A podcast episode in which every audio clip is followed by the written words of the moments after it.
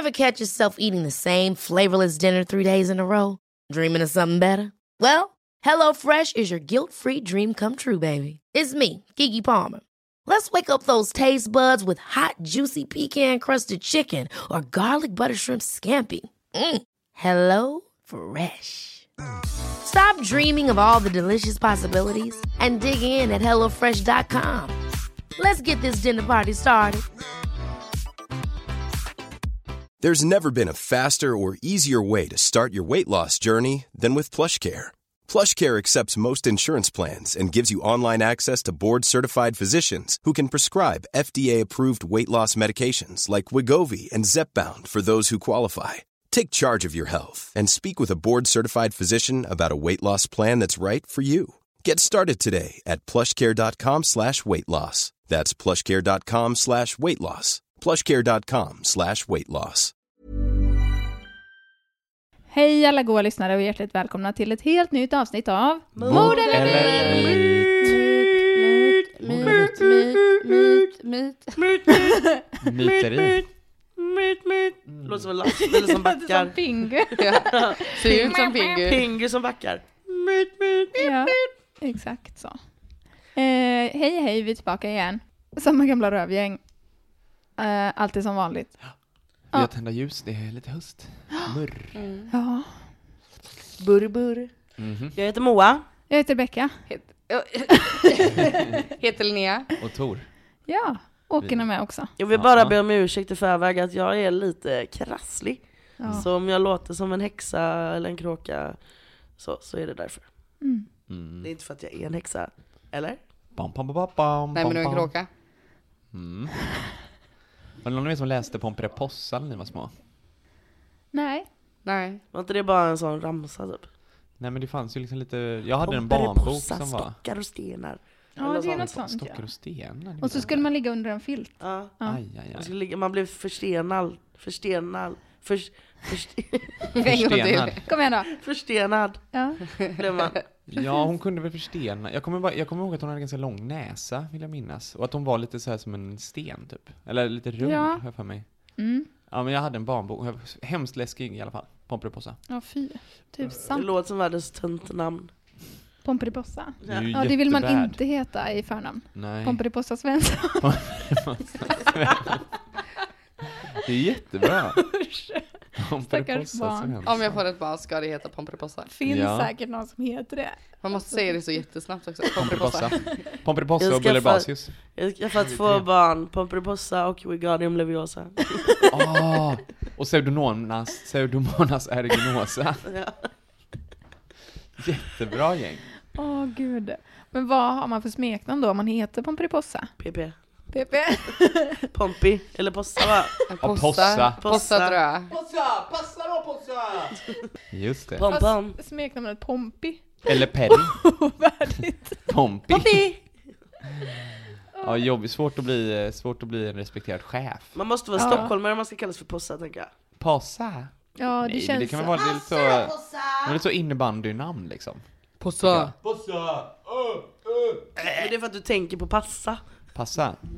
Nej, man passar väl inte så mycket innebandy? Eller gör man Jo. kanske. Jag hade en kort eh, ettårig innebandykarriär. Jag spelade i eh, Lerumslaget Ja, jag 03, förstår varför den 02. var kort om du inte passar någon.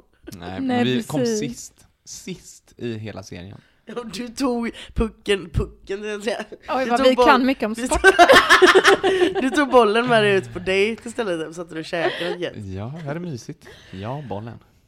Åh, jag gråter. Gud. Du ska göra torslek Men, men nu, fast nu... Vi, vi har all, Ja, allvarliga saker. När. Rebecca ändå gråter kan vi lika gärna passa på att gråta, gråta ut liksom. Så nu Exakt. gråter vi. We have sad, sad news. Sad news. Sad news. Det är nämligen så här att det här är den sista säsongen av Mord eller Myt. Mm. Mm. Jo. Du, du, du, du. Men eh, det, nu, någon annan kanske tar över? När vi slutar kanske någon annan gör, eh, tar över?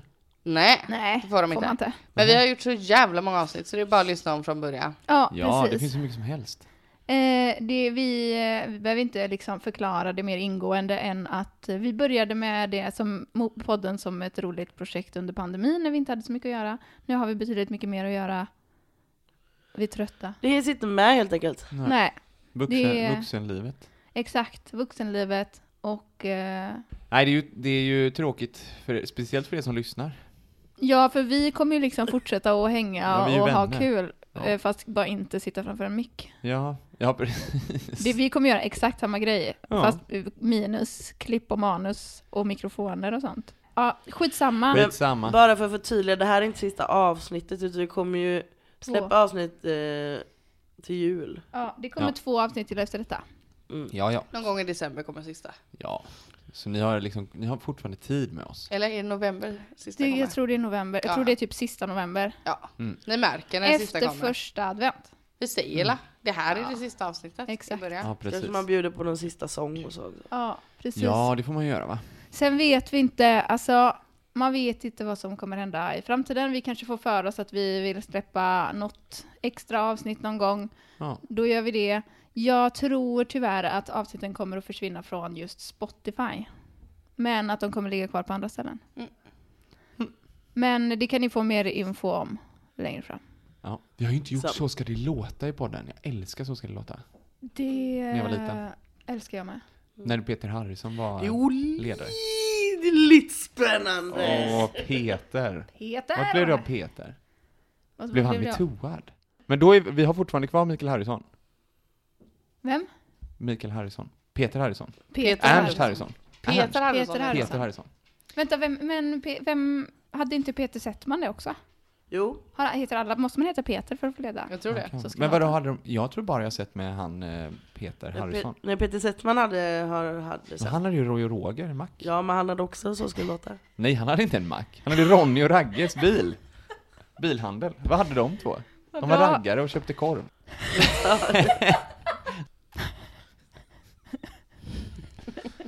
Ska vi ha ett fall eller? Nu Ja. Fall för Kluro. Ah. kommer ett fall för Kluro. Yes. Yes. yes.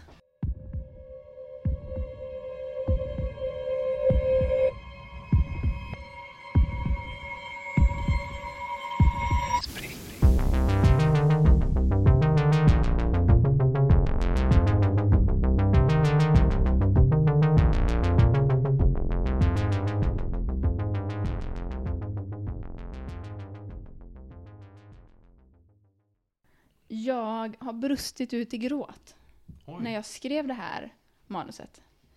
Eh, inte nödvändigtvis för att det är hemskt, utan för att det bara är väldigt rörande och liksom drabbande. Mm. Eh, så det är mycket möjligt att jag kommer darra lite på rösten här. No. För jag är härligt. fortfarande inte, jag har inte kommit över det riktigt. Period girl. Period girl! Det är jag. Living in a period world. And I'm I'm a a period girl. Tampons, tampons. exakt, exakt så. En skör, skör människa är jag. Men det är trevligt med lite känslor. Visst, visst. Eh, vi kör. Jag är redo. Bra. Det är den 30 mars 1943 och vi befinner oss i Toftefjord, Norge. Norge. Det är mitt under den tyska invasionen ju då. Och den 25-årige Jerry, veckans huvudperson, gömmer sig tillsammans med 11 andra norrmän på en båt. De är en del av den norska motståndsrörelsen Kompani Linge. Om man är andra världskrigsfantast så känner man till dem. Kompani Linge var, jag vet inte om de heter Linge, men det, det känns så. Kanske heter Ling. Lange. Det känns så. Det känns så. Du tog ett namn som bara kändes rätt. Ja, Kompani Linge. Nej. Ja, men det, det var det jag tänkte att de heter säkert Kompani Ja, Linge. det är Kompani Linge. Hur stavas det? L-I-N-G-E. Linge. Ja, eller hur? Ehm, så här är det då. Kompani Linge var en norsk militäravdelning som skapades i England under andra världskriget. Och, Line G. ja, men precis. Men det uppkallades efter den första kompanichefen, kapten Martin Linge. Lunch. Martin Lange. Ja. Lange. Nej, vad sa du? Lunch. Ja, eventuellt. Men jag håller mig till Linge i alla fall. Ja. Eh, tanken var då att kompani Linge skulle delta i brittiskt ledda operationer i Norge. Eh, och skulle organisera, instruera och leda den norska motståndsrörelsen. Samt vara förbindelse mellan motståndsrörelsen i och utanför Norge och bedriva underrättelseverksamhet. Så det här är liksom Star Wars shit. Mhm. The Rebellion. The Rebellion. Eh, kompaniet bestod av norrmän i exil, militärer och civila som vid tyskarnas angrepp den 9 april 1940 till större delen då flydde till England. Den här gruppen som Jerry är en del av, 12 män då, som har fått ett top secret mission att sabotera för nazisterna som ockuperar deras land. Och Jerry, vår huvudperson, lite historia om honom, han flyttar från Os- Oslo, Oslo till Kolboten i början av 30-talet, där han eh, examineras som instrumentmakare 1939. Instrumentmakare låter ju svincoolt som något eh, estetiskt, men eh, det är att man är kartritare, eller kartograf. Gör man instrumenten för att kunna rita kartor? Jag tror det, Alltså typ sådana passare och sånt. jag tror det. Men mm, jag vet inte, han Kul ändå! Ja, Det måste vara ett väldigt precis arbete. det tror jag säkert. Han ritade kartor också. Mm. 1940 då, så ockuperas ju Norge av Tyskland och Jerry deltar då i striderna som sergeant. Och då målar han kartor över nazisternas position i Norge, vilka han senare i hemlighet då skickar över till Sverige och till den brittiska legionen. Jerry grips av svensk polis och döms till fängelse för spioneri under hösten 1940 och 41 utvisas han ifrån Sverige. Och då gör han värsta resan runt typ halva jorden, alltså från Sverige via Sovjetunionen, Afrika, USA och sen till England där han då ansluter sig till Kompani Linge. Det är ändå långt för att vara på 40-talet också. Jag Ja, fan, det var ju långt att åka till Göteborg Ja. därifrån typ. Ja, men det måste ju tagit liksom två år då, tänker jag. Ja, minst. Minst. Båten som Jerry och de andra elva männen befinner sig på är laddad med sprängmedel och utrustning ämnad för sabotage. De lägger till då i Toftefjord på den nordöstra sidan av Rebbenesöy den 29 mars och dagen därpå överraskas de av en tysk patrullbåt som är på väg in i fjorden. De har ju liksom ingenstans att ta vägen då och har bara minuter på sig innan tyskarna liksom kommer dit. Eh, och det tyska fartyget avfyrar sina kanoner mot dem. Så Jerry och hans män sjösätter livbåtarna och sänker sin egen båt genom en explosion. För att också bli av med bevis och sånt. Eh, men någonting går snett, explosionen blir alldeles för stor och även livbåtarna sjunker. Så männen har liksom inget annat val än att bara slänga sig i det iskalla vattnet och simma mot land, medan de då beskjuts av tyskarna. Männen lyckas simma in till land, men Jerry kommer att bli den enda av dem som tar sig därifrån med livet i behåll. En av hans kompanjoner skjuts på plats. En skadas och dör senare på väg till Tromsö. En tredje avlider på ett sjukhus i Tromsö av sina skador som han hade lidit genom tortyr. Och de åtta andra fördes till Tromsö där de förhördes och torterades av tyskarna innan de avrättades den 2 april 1943. Mm. Hemskt. Men Mm. åter till händelserna då, den 30 mars 1943. Jerry kommer upp på strandkanten, gömmer sig bakom en klippa.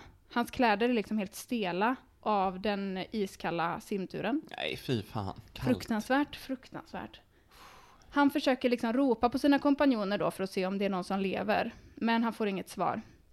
Och en av nazisterna som är uppe på land får syn på honom och börjar skjuta mot honom. Och fyra tyska soldater kommer liksom springande mot honom där på eh, klipp, strandkanten.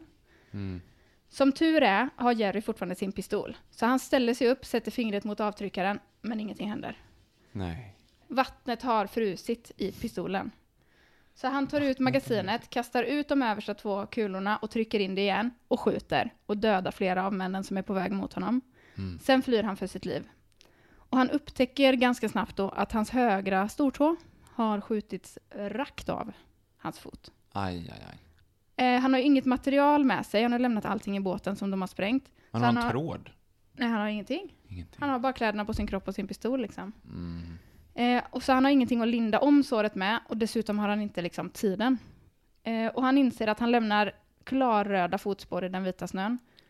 Han, eh, det kommer bli alldeles för lätt för tyskarna att spåra honom liksom. Så han byter strategi, vänder tillbaka och smyger sig tillbaka ner mot fjorden där han för andra gången hoppar ner i det iskalla vattnet och simmar över till andra sidan. Han vet att det är ute med honom om han inte snabbt får hjälp att ta hand om den här äh, foten då. Så han släpar sig huttrande och nedkyld till det första huset han ser. Där ber han de boende om hjälp. Där bor en familj och kvinnan i familjen öppnar dörren. Hon tvekar inte en sekund. Trots att hon riskerar att bli tillfångatagen, torterad och mördad så släpper hon in Jerry. Hon hjälper honom att byta om till torra kläder, låter honom värma sig, ger honom mat och bandagerar då hans tå, fot. Familjens son berättar att han har varit nere i fjorden och att han inte har sett ett enda spår av Jerrys elva kompanjoner, varken levande eller döda. Så familjen föreslår att Jerry ska försöka ta sig, fly och försöka ta sig till Sverige, som ju är neutralt och inte liksom ockuperat. Han tackar familjen och lämnar dem eh, och påbörjar då sin resa mot Sverige. Och efter fyra dagars hajkande genom bergen når han ett hus. Eh, där knackar han på eh, och hoppas bara att någon ska öppna och liksom hjälpa honom. Och han har någon slags kosmisk tur, för där bor en man som också är del av den norska motståndsrörelsen. Eh, han får ett par skidor av den här mannen och ett tips om var nazisterna befinner sig och vilka andra hus han kan stanna till vid på vägen. Den här mannen som han då eh, eh, får de här skidorna av kommer sen att ta kontakt med andra motståndsmän eh, runt om i landet för att berätta om Jerry. Bland annat en man som heter Andreas, som kommer att återkomma sen. Eh, resan fortsätter och strax därefter överraskas Jerry av ett snöoväder. Det blåser hårt och snöar jättemycket. Och Jerry vet att om man stannar till i en snöstorm så kommer man aldrig röra sig igen. Så han bara fortsätter ta sig framåt, trots att han har förlorat känslan över vad han är. Och så plötsligt hör han ett mullrande och marken rör sig under honom. Han är mitt i en lavin och åker liksom med ner längs med berget. Och i tumultet så slår han i huvudet och blir medvetslös. Att han vaknar igen efter den här lavinen är ett under, men det gör han. Då har han förlorat den ena skidan och brutit av den andra och fått en rejäl hjärnskakning. Mm. Eh, och han är liksom så jätteilla däran att han har svårt att producera logiska tankar. Eh, han vet bara att han måste fortsätta, men han har ingen aning om var han är eller vart han är på väg. Så han bara fortsätter att gå. Nästa sjuka grej som han drabbas av är snöblindhet. Eh, det är helt sjukt. Ögonen blir typ överansträngda av liksom den vita snön när solen ligger på. Det blir så bländande. Och det kan till och med liksom bränna sönder näthinnan, vilket då händer Jerry. Vilket gör honom tillfälligt och delvis blind. Han fortsätter framåt trots detta i tre dagar, när han plötsligt hör röster. Han är så himla trött och han är så hungrig och så kall, så han bryr sig liksom inte längre om vem han stöter på. Eh, han förstår att han är i en by och följer doften av mat och går in i första bästa hus, där han liksom kastar sig över bordet där det ligger en massa mat. Och sen bara tuppar han av. Mm. Han vet ju inte det då, men det här är typ det bästa huset han skulle kunna komma till. För hon som bor där är syster till mannen som leder motståndsrörelsen i det området. Hon hämtar sin bror och så hjälps de åt att ta hand om Jerry. Han är sliten alltså, Kan man tänka sig. kan man tänka sig. Han har inte ens hunnit svälja maten han tryckte in i munnen innan han liksom svimmade. Mm. Eh, de börjar försiktigt då hacka bort isen och snön som har fastnat runt hans ben. Skorna och strumporna har liksom frusit fast på hans fötter så de måste skära bort dem så här i små bitar. Eh, när de får av honom skorna och strumporna så ser, han att han har förfrus, ser de att han har förfrusit sina fötter. No shit. Eller hur? Jag vet inte om någon av er eller någon som lyssnar har varit med om förfrysning. Men eh, det är väldigt smärtsamt och väldigt jobbigt. Mm. Och om man förfryser en kroppsdel, ofta är det ju tår, fingrar, öron, näsa, eh, då ska man liksom tina upp den väldigt, väldigt långsamt. För går det för fort så kan den kroppsdelen då svullna och det gör väldigt ont. Eh, sen ska man också vara jätteförsiktig med kyla efteråt, för vävnaden som har varit så illa nedkyld har svårt att repa sig. Och man har liksom, om man har förfrusit en kroppsdel en gång så gör man det lätt igen. Typ ett finger som har varit svart av nedkylning kommer att bli blått bara du tvättar händerna i lite kallt vatten. Liksom. Mm. Den farligaste konsekvensen av förfrysning om man inte tinar upp kroppsdelen är att det kan utvecklas till kallbrand. Och då måste man amputera. Och det kan man ju också dö av, kallbrand. När Jerry vaknar berättar han att han är den enda överlevaren efter explosionen i fjorden och att han har överlevt i vildmarken i nio dagar utan Oj. utrustning och tack vare den hjälp han har fått av främlingar på vägen. Eh, Det här syskonparet är ganska rädda för byn kryllar av nazister. Men trots det så riskerar de sina liv och låter Jerry stanna hos dem. Och tillsammans hjälps de åt att smida en plan för hur Jerry ska kunna fortsätta sin flykt mot Sverige. Och Jerry vet vilken enorm risk han utsätter den här, de här syskonen för. Och under de dagar som han bor hos dem så blir, han väldigt, blir de väldigt nära. Eh, liksom, ja, det blir, de blir ju nära vänner. Tyvärr läker inte Jerrys fötter och de orsakar honom otrolig smärta så han kan inte gå. Och det här måste de ju då ta i beaktning när de ska smida den här planen för hur de ska få iväg honom liksom. Mm. Och så är det dags. Eh, familjen packar in Jerry i flera ullfiltar och snöre och binder honom på en kälke. Och så beger de sig allihop ner för berget mot en fjord mitt i natten. Väl nere vid fjorden lägger de Jerry-paketet i en fiskebåt och hoppar i. Och då har de med sig flaskor med sprit som de typ skvätter på sina kläder. För att de ska liksom, om de blir upptäckta så kan de låtsas att de är ute på en så helt vanlig late night fyllefisketur. Mm, mitt i Som man- vintern. Som man är ibland bara. Så. Nej, det var Inga mars. konstigt. Ja, vår. Ja. De ror över till andra sidan fjorden då, där de bär in Jerry-paketet in i en liten fiskebod. Eh, där har de, då har de packat en väska till honom med utrustning för några dagar, typ mat, vatten, alkohol, en kniv och typ ett litet stormkök. Och så säger de till Jerry att han ska stanna i fiskeboden tills de kan komma och hämta honom några dagar senare för att ta med honom på nästa etapp liksom, av flykten. För de måste ju tillbaka hem för att inte liksom raise suspicion. Mm. Eh, dagarna går och Jerrys fötter blir tyvärr inte bättre. Eh, under de kommande dagarna så svartnar huden på hans fötter och kallbranden är liksom ett faktum. Hur mycket han än önskar att det inte var så. Och han blir så jättenedslagen av det här, för förutom att det är jättesmärtsamt så kan det ju också vara dödligt. Mm. Så han skjuter upp det så länge han kan, men till slut är det oundvikligt. Så efter nio dagar i fiskeboden tar han sin kniv och eh, skär bort två av sina tår och stora delar av den infekterade huden. Aj, aj, aj. Ja, efter flera timmar och en hel del alkohol så somnar han och dagen därpå kommer hans räddare tillbaka. Jerry skiner som en sol när han ser sina vänner och så berättar de om den nya planen. De har då seglat till en stad på andra sidan bergen som heter Mandalen. Där har de tagit kontakt med andra ur motståndsrörelsen, bland annat då en samisk man som jag kallar för Andreas. Hey, I'm Ryan Reynolds. Recently, I asked Mint Mobile's legal team if big wireless companies are allowed to raise prices due to inflation. They said yes. And then when I asked if raising prices technically violates those onerous two year contracts, they said, What the f are you talking about, you insane Hollywood ass? F- So to recap, we're cutting the price of Mint Unlimited from $30 a month to just $15 a month. Give it a try at mintmobile.com slash switch. $45 upfront for three months plus taxes and fees. Promo for new customers for limited time. Unlimited more than 40 gigabytes per month. Slows. Full terms at mintmobile.com. Many of us have those stubborn pounds that seem impossible to lose, no matter how good we eat or how hard we work out. My solution is PlushCare.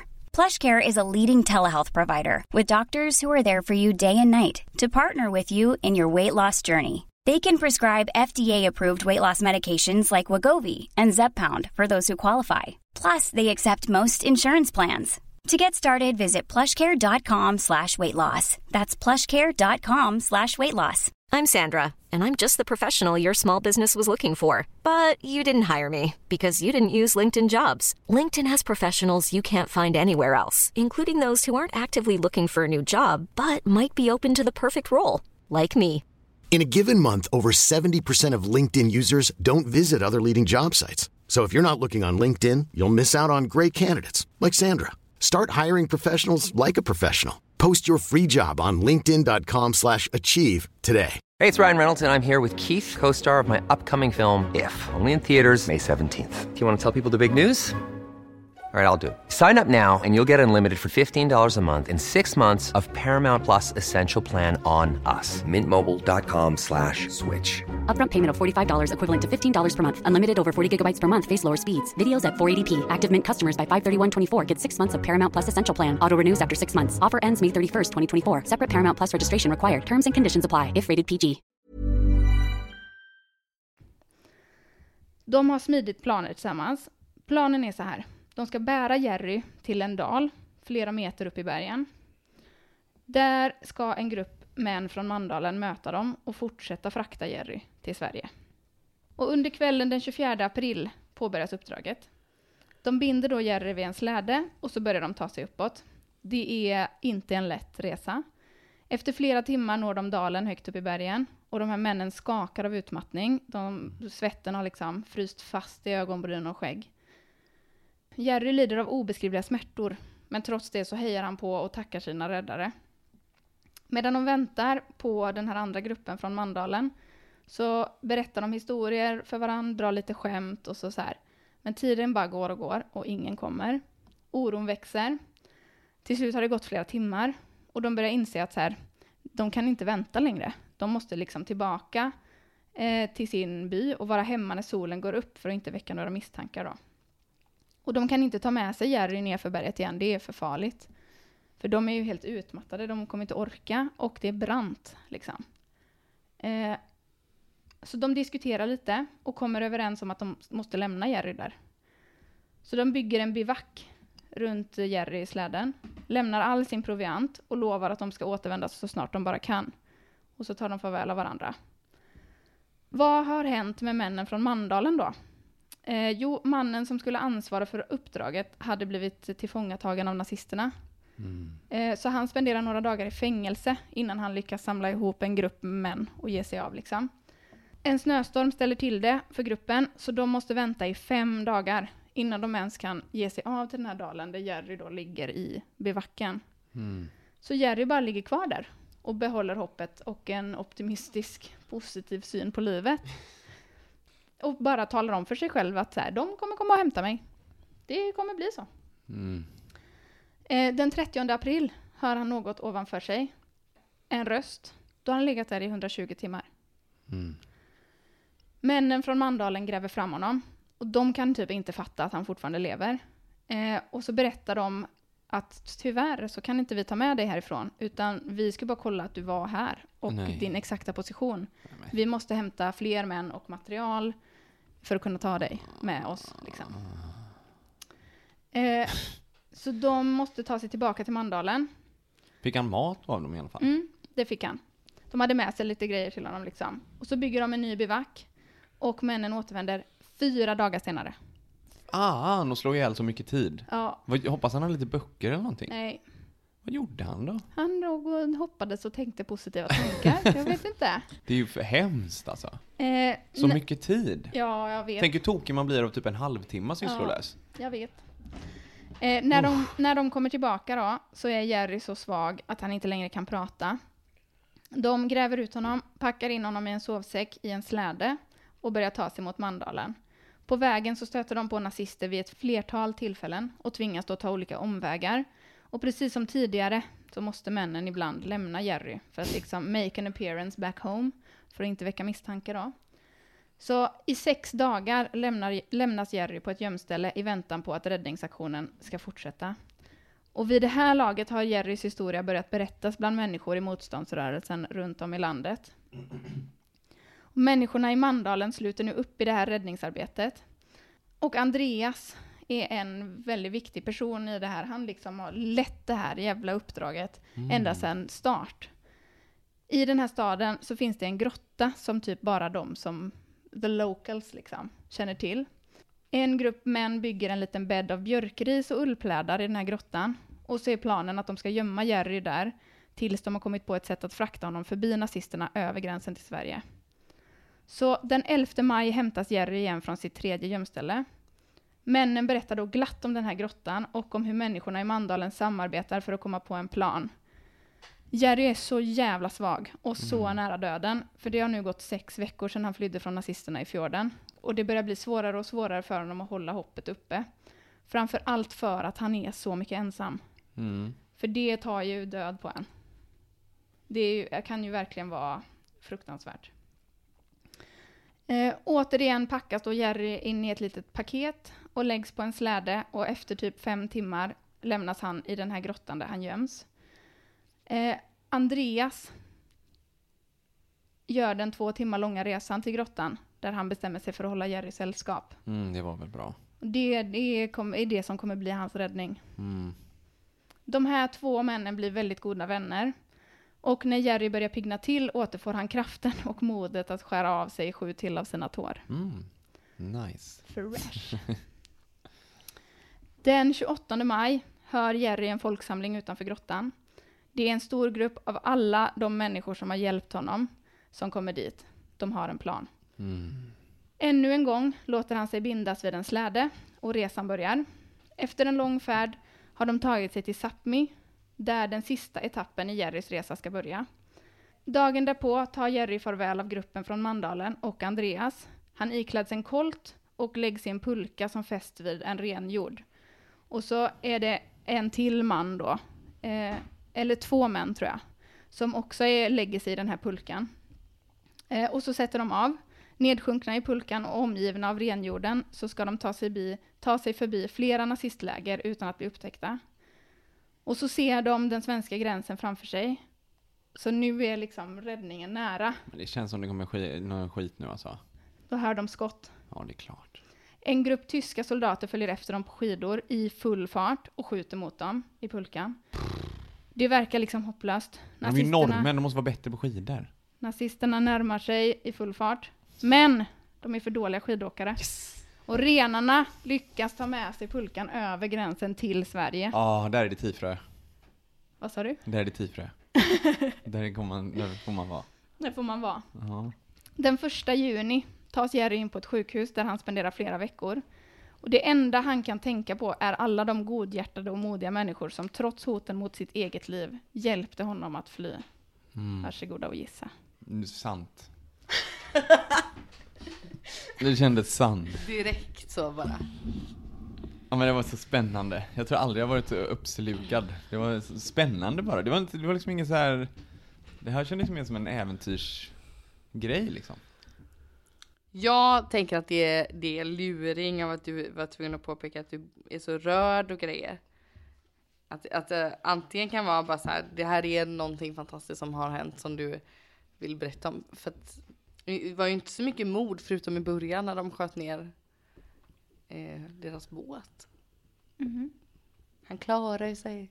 Mm. Det var ju mord i början.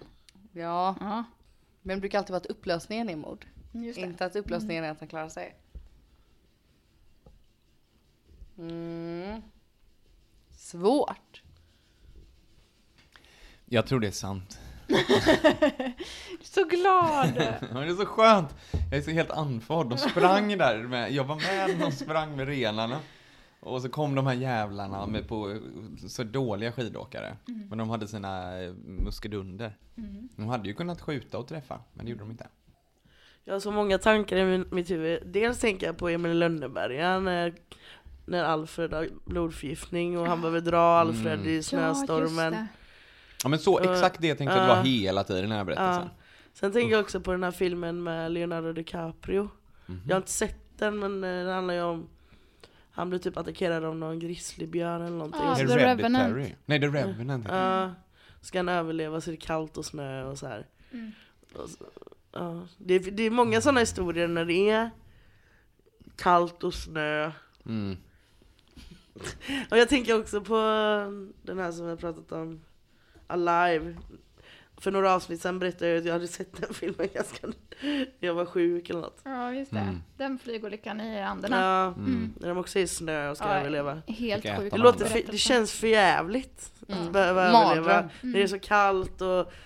Jag hade inte klarat det. Hellre strandade i öknen än i eh, kyla. Ja men det är också så Ja, här, nästan faktiskt. Jag men- tror jag han hanterar törst bättre än förfrysning. Fast å andra törst är, det gör, kan ju faktiskt driva de flesta till van, alltså till jag, men jag tänker också att snön fysiskt sett sätter käppar i hjulen också.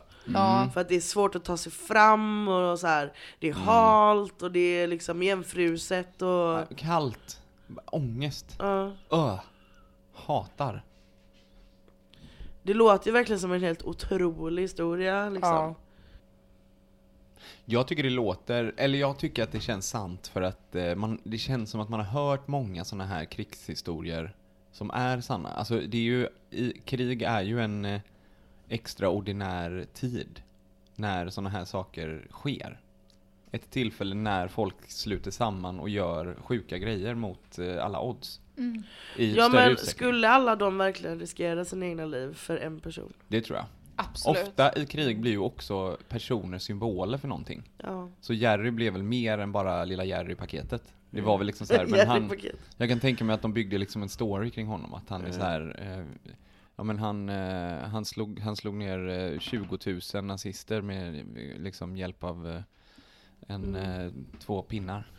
Men det är ju det, det här kan ju bara också vara en sån sägen, liksom, eller så här, inte en sägen men en historia som är på från krigstiden. Som man är så här, för att hitta det Mm. fina i det typ och så här. Ja, okej. Jag vet inte vad jag tror. Jag tror sant. Jag känner också att det är sant. Eller så, eller så vill jag tro att det är sant. Jag känner ju att det är sant, bortsett från att jag tänker att det är en, en luring. Mm. Men vad tänker du att det är då? Jag vet inte vad det skulle vara istället. Det finns ju en miljard olika liksom, krigsfilmer, krigsböcker och framförallt under andra världskriget. Ja, det är sant. Så att det kan ju vara vad som helst annars liksom. Ja men det är också så här. Då brukar det också vara så mycket fokus på liksom Ja, kriget men, nej, men inte alltid. Vissa är ju såna här långdragna dramafilmer med någonting fruktansvärt som händer en individ eller ett Ja, gäng ja. Mm. individer. Liksom. Så det kan lika gärna vara något sånt också. Men, eh, men min magkänsla säger ändå sant. Annars är det någon norsk jävla dramafilm. Men jag tänker så Det har jag här, inte sett ändå. eller jag tror, eller jag känner, min mag, jag vet inte hur intresserad av andra världskriget du är, men det känns inte som du är en andra världskriget person. Nej. Och då känns det konstigt då, om du skulle dra fram en sån här, om det var en bok eller en film. Det tycker jag, det känns eh, som att här, eller ta upp den i podden som ett eh, segment liksom. Om det bara hade varit en bok eller en film som handlar om andra världskriget. Kanske. Ja, sant. Eftersom det inte är en, eh, det, för jag hade ju kanske inte gjort det eftersom jag inte s- så här. Nu var ju det här en jättebra historia men eh, om man inte eh, liksom graviterar mot den typen av eh, eh, media liksom, eller sådär.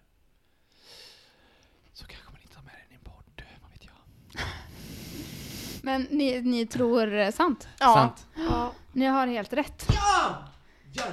Ja! Det här är berättelsen, berättelsen om Jan Balsrud och hans vän hjälten Aslak Fossvall, som jag kallar för Andreas. Det är som Aslan. Eh, nu eh, kommer tårarna här känner jag. Mm. För den 1 juni 1943 når ju Jan, eller Jerry då, svensk mark. Och bara en månad senare dör Aslak av difteri. Nej. Så de träffas aldrig igen efter det här. De som blev såna vänner. Ja, alltså ja. De nästkommande åren arbetar Jerry flitigt i motståndsrörelsen. Han tränar människor i sabotage, hur man kan sinka nazisterna i sin framfart och i sitt specialistområde kartografi. Mm. 1945 återvände Jerry till ett fritt Norge. Eh, smärtan i Jerrys fötter lämnar honom aldrig och efter några år så flyttar han till Teneriffa för att undkomma kylan. Mm. För det Fan, alltså det blir bara gjort. bättre och bättre den här Klokt, historien. ja. Eh, han gifter sig, får en dotter och lever resten av sitt liv där som apelsinfarmare. Oh my, vad det här är så mycket lyckliga i alla sina dagar det kan bli. Eh, det var det här som got mig, som jag kommer att säga nu. Eh, strax innan hans död, den 30 december 1988, så ber han sin familj att hans aska ska tas till Mandalen och begravas bredvid hans vän Aslak Fossvall, Nej. som dog då 1943. Aslak. Och han insisterar att han inte ska bli ihå- ihågkommen som en hjälte, utan de verkliga hjältarna i den här historien är alla de människor som deltog i hans räddningsuppdrag. Mm. Alltså, Ja, alltså han fick var ju också mestadels ett paket. Tårar i ögonen nu. ja, jag tycker det bara är så drabbande. Mm. Ehm, ja, herregud. Vilken historia alltså. Jag Ja, vet, det är helt sjukt. Ass- Men- ja. Det är nog precis så som ni sa nu, att liksom eh, i krig så blir människor en symbol för Mm. frihet och motstånd och det är liksom viktigt. Mm. Åke håller med. Åke blir också förtvivlad av den här historien. Så berörd. Jag blev så otroligt drabbad av den här mannen Aslak. Det, jag vet inte att det är också, det är också så drabbande att liksom, han är same. Samerna har redan liksom kämpat för sina rättigheter och sen dessutom kommer fucking nazisterna. Och han är ändå så bara, skitsamma, vi ska, det här ska lösa sig. Det här ska Mm. ordna sig. Vilken kille alltså. Åh, helt otroligt. Eh, källor innan jag glömmer. Wikipedia-sid- Wikipedia-sidorna om Jan Balsrud, Aslak Fossvall och kompani Linge Poddarna Nära ögat avsnitt 33, Not Today avsnitt 19 och två poddar Survival och Badasses of History där båda avsnitten heter Jan Balsrud. Det finns en film som heter Den tolfte mannen. Som en spelfilm. Mhm. Eh, som eh, liksom handlar om det här. Är den bra? Är det en norsk dramafilm? Eh, mm, det vet jag inte. Men eh, den är väldigt omskriven på nätet. Ja. Jag hittade den här historien eh, någon gång när jag kände att jag vill ha, men det var länge sedan liksom. Och jag bara så här, jag måste ha ett, eh, ett, en historia med en människa som klarar sig. Mm. För jag pallar fan inte. Men det är gött när det slutar lyckligt. Ja, precis. Och så hittade jag den här och verkligen så grät lilla skutt-tårar. Eh, och så bara, nej, I can't do it. Jag pallar inte det här heller. Ja. och då berättade jag historien om Alison Bodde, om ni minns. Hon som, eh, hon blev huggen i magen och alla hennes eh, organ hängde ut. Och så tog hon sig ändå till en motorväg där hon blev liksom, Just Ja, det minns jag. ja. Ja, ja, ja. Och det är så mirakel efter mirakel efter mirakel. Just då den polismannen blev vän med henne och sånt. Just Ja, det. precis. Mm.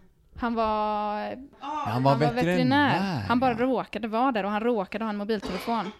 Och de blev nära vänner ja. Och han hjälpte henne och typ så eh, såg till att hon höll sig vaken tills sjukvårdarna kom. Mm. Den storyn tog jag då, Just när jag det. var i ett väldigt svagt mental state. Men det här var bra. Det här var ju skönt. Och Ja, vad varmt och gott det måste ha varit på sjukan där. ja Och så bra beslut att flytta ner till solen och starta en Mm. apelsinfarm. Det är Visst. liksom, det, fin- det är plus, plus, plus. visst. Och så Gud, vad jag, mysigt. ja, jag blev så bara otroligt drabbad av tanken på att han liksom lever med de här människorna i sitt minne Mm. resten av sitt liv och sen när han är nära på att dö bara, jag måste vara med min Aslak. Mm. Alltså, Mm. ja, herregud, jag tycker det är så Mys. jävla rörande. Inomhus är mycket mysigare när det är kallt dock. Helt sant. Absolut mycket bättre än en bivack eller en grotta. Ja. 100 procent. Nej men alltså jag menar så här, för inomhus är ju halvkul om man är i ett varmt land. Mm. Dock så föredrar kanske ett varmt land ändå. Men eh, det är så jävla mysigt när man är uppe i eh, norr och det är liksom kallt som fan ute och vara inomhus då. Ja, det är så jävla brasa. mysigt. Ja, tända en Kaminen. brasa. Dricka sig en uh, värmande Mm, varm Slurk. choklad. slurk, ja. Men eh, eh, ni vet Så har du att, varm choklad med ost på precis? Med ostmacka. ostmacka. Samma ni ost. vet att eh, chanserna för överlevnad för oss som är uppvuxna här är större i kalla klimat. Är större, större. Ja, så vi hade överlevt bättre i snö och piss än öken. Mm, Ja, det det är förvånar klart. mig inte. Nej. Jag tror också att eh, det är ju lättare att överleva om man kan lyckas inte frysa ihjäl. För att vi har, om man har snö Mm. så kan man ju dricka. Ja. Alltså så här, vätska Mm. är ju det som man håller sig vid Precis. Man kan ju klara sig utan mat hur jävla Ja. länge som helst. Men man måste ha något att dricka. Mm. Och det har man ju inte i en öken. Så jag tror att man stryker med snabbare i en öken. Precis. Vem man än är egentligen. Och man... Eh, Om man inte är kamel. Då klarar man sig nog längre i om man är en kamel, ja. Just det. Så att man kan ju... Den grejen tänkte jag inte på. Helvete, I didn't think of Men om that. man sprättar upp en kan kamel och tar på sig dens skinn. Äkta Star Wars. Star Wars eh, stuff. Ja, Ja, En stark, stark, stark historia. verkligen. 10 av 10. 10 av 10. 9,5 av 10. Ja, vad hade kunnat vara bättre? Jag vet inte, men 10 av 10 är ju liksom, då är det ju det bästa man någonsin har hört i hela sitt liv och garanterat aldrig kommer höra bättre. Så att eh, Kan det jag inte vill finnas ändå... flera tior? Mm, vissa tänker ju så, vissa Det är inte the som jag way. Nej. Nej, the Nej. Way är ändå eh, en eh, way där man ändå respekterar eh, siffersystemet liksom. Mm, just det. Det Och- finns bara en som kan vara den bästa. Ja, alltså det kan ju finnas fler, men då... eh, Då tar de den den platsen. drabbar bara en person. Ja, ah, just det. Okej. Mm. Alltså en person Makes kan bara drabbas av en tia. Så man har sin liksom soulmate-historia. Men när, just när man ligger på sin dödsbädd, det är då man ska samla ihop sina tankar och tänka, vad var 10 av 10 i mitt liv? Och så får man välja en sak. Mm. Vi, eh, vi säger tack och hej. Tack och hej. Jag säger bara adjö, klä dig varmt när det är snö. Ja, mycket bra. Hörs om en vecka, då är det näst sista. Avsnittet.